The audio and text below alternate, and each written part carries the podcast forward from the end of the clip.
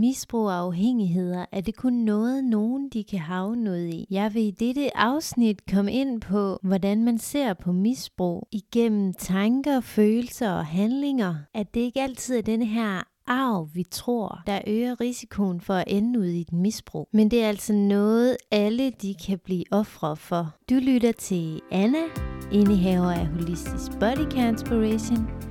Her finder du min viden og tilgang til krop, sind og psyke. Velkommen.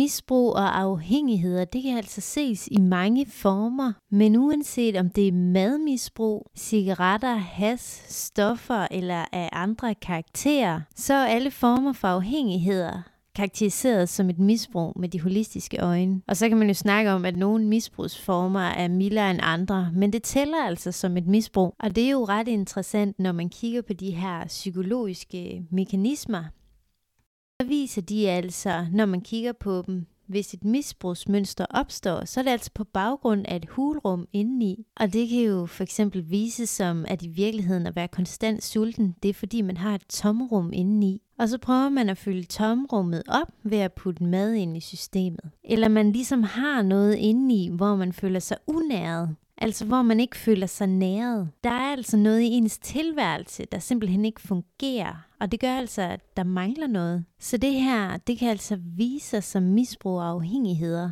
Men det er altså et tegn på længsler, uindfriede længsler.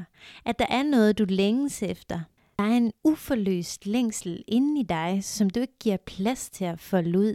Og så bliver det i stedet en længsel efter mad, eller en længsel efter den her cigaret. Det kan også være noget god kage, eller hvad man nu lige har lyst til. Og det gør man altså frem for at gå efter den her store længsel, der måske kan give dig en ny tilværelse. Og ofte så er det jo sådan, at mange mennesker har nemmere ved at håndtere den lille længsel. Og det kan jo være den lille længsel efter cigaretten frem for den store længsel omkring at ændre alt. Altså ændre sit liv og lægge det helt om. Det kan simpelthen virke for uoverskueligt, for omfattende eller for smertefuldt. Og rigtig mange, de føler sig ikke klar og derfor vælger de at dulme i stedet for at søge nye steder hen i sig selv. Og det er jo enormt spændende at kigge på det her, altså den dybere liggende årsag til afhængigheden. Tit så ser man også den her ene afhængighed, der erstatter den anden afhængighed, altså cigaretten erstattes med sukkeret. Og det vil den egentlig blive ved med at være, fordi kerneproblematikken er der jo stadigvæk, den er der ikke blevet taget hånd om. Og det er altså det her med, at du har en længsel inde i dig, som du ikke har fået udfyldt. Og det kan altså være noget, som dit system det higer efter, fordi du ikke giver plads til den i dit liv, så kommer du automatisk til at hige efter stimulanser i det hele taget. Så hvis du har nogle afhængigheder, det er der jo rigtig mange mennesker, der render rundt og har, så er det jo spændende at kigge på, hvad er det for nogle længsler, du ikke har indfriet, altså de uindfriede længsler. Og der er jo forskel på at have ønsker i sit liv og længsler. Vi vil jo hele tiden have nye ønsker i vores liv, og det er jo både om det er små eller store ønsker. Det kan jo være den nye nye blues, du har set, eller det kan være ønsket om at blive selvstændig. Der kan jo godt være mange ønsker, du har i dit liv, altså et ønske end den her ægte længsel, der bliver til en smerte, fordi ønsket ikke er fundet sted endnu.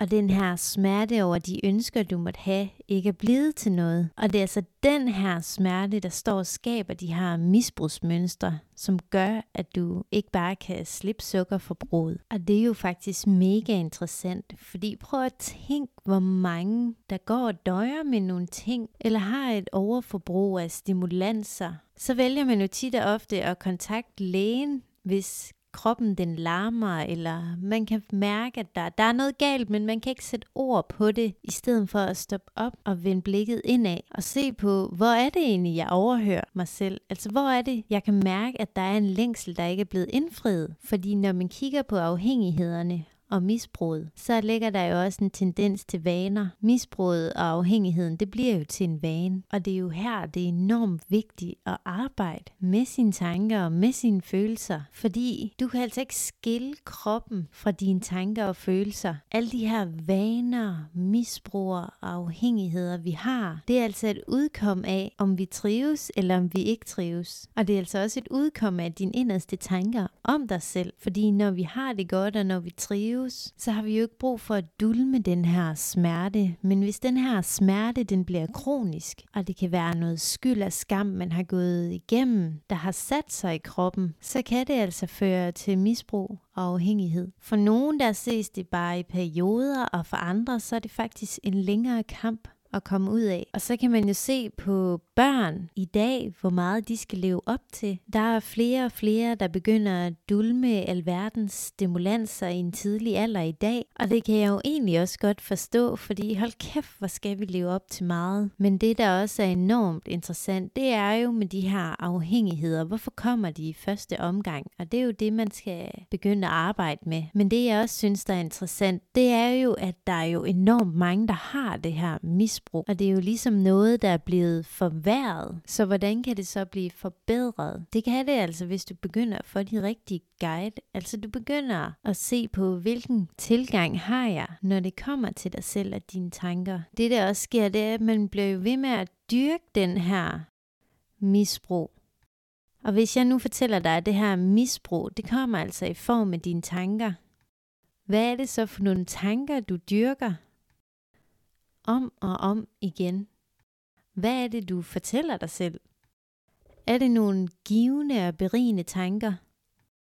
Fordi hvis det var det, så kan jeg fortælle dig, så havde man ikke misbrug. Jeg kan fortælle dig, at dengang jeg havde den her afhængighed af cigaretter, det kan jeg jo godt se nu, det var jo bare et filter. Det blev altså bare det her røgslør, fordi jeg havde heller ikke særlig høje tanker om mig selv dengang. Og de her cigaretter, de erstattede jo mine måltider. Og der var bare mange ting, du ved, man overså og overhørte. Fordi det var altså blevet en smert i at kigge på, hvad den rigtige årsag egentlig var. Og det skulle da skide hårdt at indse, hvad årsagen egentlig var til mine dårlige spisevaner og alt for meget rygning. Men det begyndte jo egentlig også at åbne op for andre steder i mig. Jeg havde lukket ned for mange år siden. Så gå ind og mærk den her længsel til at være sig selv, eller til at sige sin mening. Det kan være mega grænseoverskridende i starten, men det bygger altså en bro mellem længsel og samskabelse. Så hvis du sidder derude og lytter med og har en afhængighed,